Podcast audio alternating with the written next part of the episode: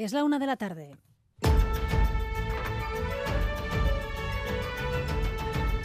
Crónica de Euskadi con María Cereceda. A León, Junts sigue tensando la cuerda. Un día después de dejar caer la ley de amnistía que acordó con el Partido Socialista, insisten que no modificarla ahora incumpliría su acuerdo de investidura, pero todos le están mirando de reojo. Los llamamientos a la responsabilidad llegan desde todos los frentes. Reunidos en Bruselas, el Endacari Urcullo y Pere Aragonés no han eludido referirse a esta situación. Que totes les parts assumim la nostra responsabilitat, la responsabilitat d'una oportunitat històrica per deixar enrere la repressió. Yo interpreto que Junts ha venido hace semanas diciendo que la proposición de ley eh, que ayer se debatió era una buena proposición y luego ha ido cambiando el criterio. La estabilidad y la gobernabilidad es la que me preocupa.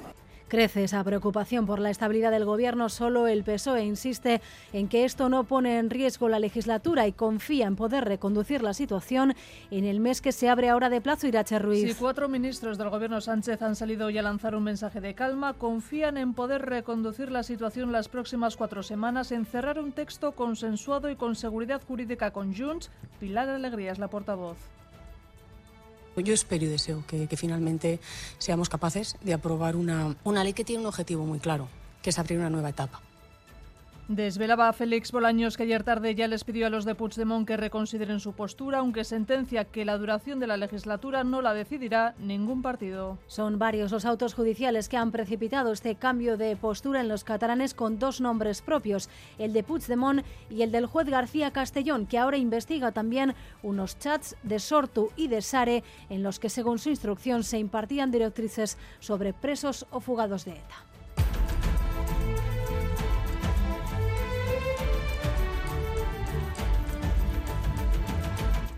Y el Consejo de Coordinación Tributaria estudia ya una propuesta del Departamento del Gobierno Vasco de Vivienda para modificar su fiscalidad. Se trata de reducir las deducciones por compra de vivienda y de incrementar las del alquiler. Rodrigo Manero. Sí, el Gobierno Vasco, el consejero Iñaki Arriola, cree que hay que cambiar el actual sistema para adaptarse mejor a las necesidades de la sociedad. Esto es, aumentar las deducciones que reciben las personas que viven de alquiler y los propietarios de esos pisos si los ofrecen a precios razonables y reducir las que se dan por compra de vivienda, limitando de 36.000 a 18.000 euros el crédito fiscal global para nuevos compradores. La propuesta ha sido trasladada ya a las tres diputaciones que dicen que la van a analizar.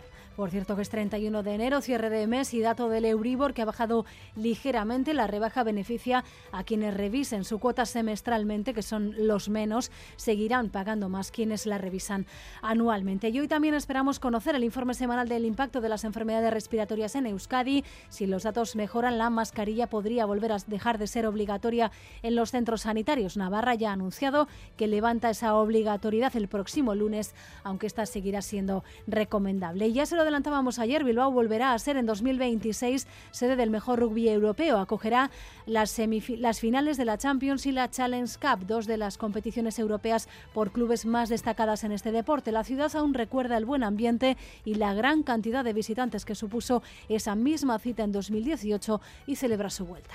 Muchísimo ambiente. Estaban las calles llenas de gente. Todo lo que sea traer gente a Bilbao es invertir dinero aquí. Yo creo que es todo bueno para, para la ciudad. Me parece bien que vengan todas las cosas que sean para dar dinero, mejor, ¿no? El ambiente también sí. La economía de aquí viene bien, para todo, para que se conozca Bilbao. Y además seguimos pendientes de lo que ocurre con esa empresa que está fotografiando el iris de la gente en nuestras calles por un puñado de euros, porque ya tiene detrás a la Agencia Española de Protección de Datos. Son varias las investigaciones que se han abierto en Europa, pero Xavier Madariaga y Racha León siguen haciendo esas fotografías en Bilbao. Sí, a Racha León siguen fotografiando el iris. Unos 10 más esta mañana en el stand que tienen en el centro de Bilbao. Acabamos de volver de allí. La Autoridad Vasca de Protección de Datos, en permanente contacto con la Agencia Española de Protección de Datos, nos confirma esas denuncias que van detrás de la empresa que a cambio de un puñado de criptomonedas saca fotos de nuestro iris. Se analiza, entre otras cosas, si Wallcoin no puede identificar a sus usuarios de una forma menos invasiva, porque de poder hacerlo tiene que priorizar por ley los métodos menos intrusivos. Enseguida analizamos las consecuencias a las que se enfrenta esta compañía. Mientras una propuesta, la serie Detective Touré se preestrena esta tarde en la sala BBK de Bilbao y se podrá ver ya en euskera a partir de mañana en la plataforma de streaming Primera. La serie que adapta las novelas de Arreche y orbita en torno a Touré, un inmigrante llegado a Bilbao desde Guinea que sale adelante como puede hasta alcanzar su vocación de detective. Thriller y comedia se funden en esta serie que tiene como protagonista a Malcolm Treviño Sité y que cuenta con actores locales como Loreto Mauleón, Unax Ugalde o Itziar Ituño. Rodada en el barrio de San Francisco de Bilbao, muestra la cara B de la ciudad. Es uno de los elementos más relevantes de Detective Tour. Lo explica su director Esteban Crespo. Yo había estado en Bilbao muchas veces y yo dije, este sitio no existe en Bilbao. Claro, yo no lo había visto. Y, cuando llegué a este barrio me, me, maravilló, ¿no? Con, esa mezcolanza, esos colores, esos olores, esa, esas músicas diferentes. Es una de las cosas que hemos querido reflejar. Uno de los activos importantes de esta serie es, reflejar la problemática de, un, de un migrante. Titulares también del deporte, César Pregazo, Zarachaldeón. Chaldeón. María, en fútbol cita hoy para Osasuna en Liga. Los rojos se miden al Barça en la ciudad condal en un encuentro que tuvo que ser aplazado en su día por la disputa de la Supercopa en Arabia de los dos equipos, sin Rubén Peña lesionado y sin el Chimi Ávila pendiente de salir del club y con la duda de Maroroz a las 7 Barça Osasuna en Montjuic y en baloncesto juega Bilbao en partido europeo en Miribilla ante el Oporto portugués. El premio de la victoria es muy grande para los de Ponsarnau clasificarse para los cuartos de final de la FIBA Eurocup a las 8 de Miribilla, Bilbao Basket o Porto. En cuanto al tiempo, hoy seguimos sin cambios y las temperaturas se mantendrán en valores similares a estos días. Eso sí, al final del día entrará algo más de nubosidad. A esta hora tenemos 17 grados en Donostia, 15 en Bilbao, 9 grados en Vitoria-Gasteiz, 8 en Pamplona y 14 grados en Bayona. Gracias por elegir un día más Radio Euskadi y Radio Vitoria para informarse. Raúl González y José Ignacio Revuelta están en la dirección técnica y Manuel Manterón en la coordinación. Crónica de Euskadi con María Cereceda.